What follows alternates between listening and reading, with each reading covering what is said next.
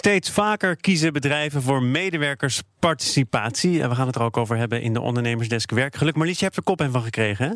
Nou ja, het is wel echt een, uh, een, een, hoofdpijndossier met notarissen. En het is gewoon complex om zo'n stak op te zetten. Ik, doe, ik sta er helemaal achter.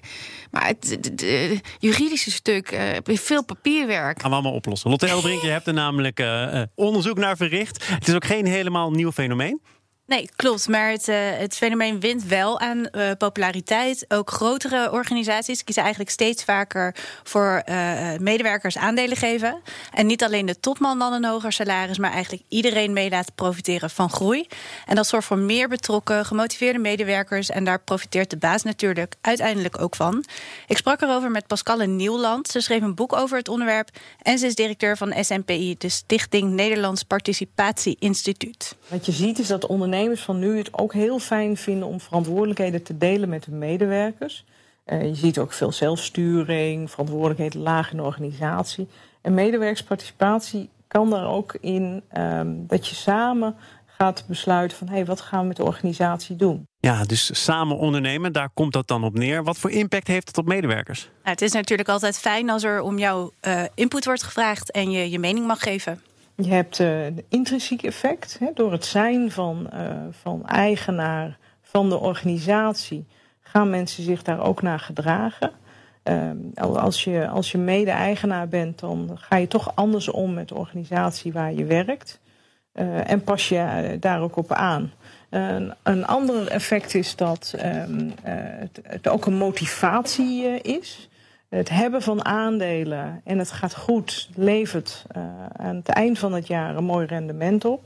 Dat kan zijn in, uh, in vorm van stijging van de koers, maar het kan ook zijn in de vorm van dividend.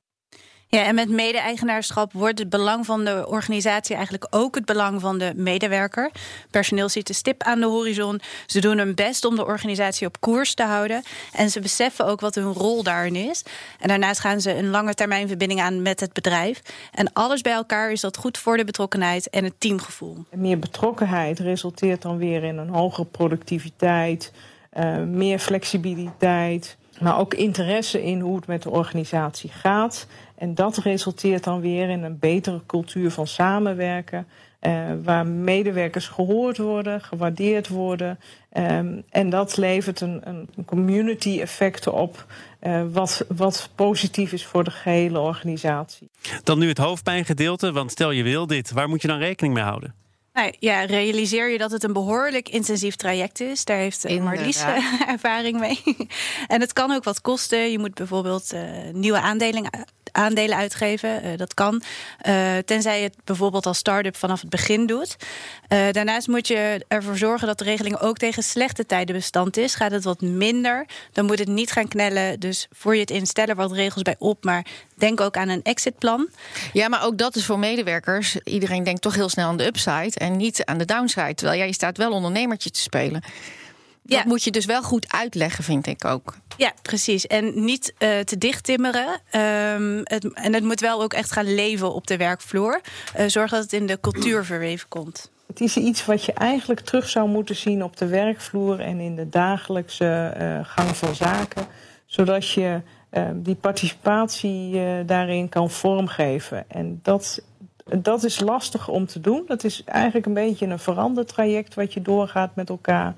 En uh, vraagt uh, wat van de onderneming en vraagt ook wat van de medewerkers. Het uh, vraagt wat van de medewerkers. Krijgen die medewerkers ook echt iets te zeggen, zeggenschap? Ja, dat kan. het is een afweging die bedrijven echt zelf moeten maken. Maar meestal regel je dat niet zo even. Nou ja, je ziet dus wel uh, uh, dat, dat eigenlijk uh, medewerkers willen niet per se heel veel inspraak of over iedere beslissing stemmen. Maar ze vinden het wel fijn om wanneer dat op hun van toepassing is, om hun input te geven. En dus eigenlijk wel, wel een mening te geven in ieder geval. Dat is natuurlijk weer iets anders dan, dan inspraak. Precies, um, dus, en, en dat is ook echt zo. Dat moet je ook, ook realiseren. Wat je ook moet realiseren, moet ik hier wel aan beginnen. Is dit voor ieder bedrijf geschikt? In principe wel, maar over het algemeen zie je wel dat uh, bedrijven met uh, hoger opgeleid personeel hiervoor kiezen. Omdat die al een aardig salaris hebben. En heb je medewerkers die uh, allemaal het minimumloon krijgen, dan worden ze gewoon eigenlijk gelukkiger van de salarisverhoging. In principe kunnen alle bedrijven financiële participatie toepassen. Maar we zien wel dat juist die bedrijven die plat georganiseerd zijn, waar medewerkers wat hoger opgeleid zijn zie je dat dat uh, makkelijker wordt toegepast en ook eerder effect heeft op uh, de hele organisatie en de manier van werken. Pascal Nieuwland hoorde je en uh, Lotte Elbrink en ook al bijt je nu even op haar tong, Marlies Dekkers. Dank voor jullie bijdrage allemaal.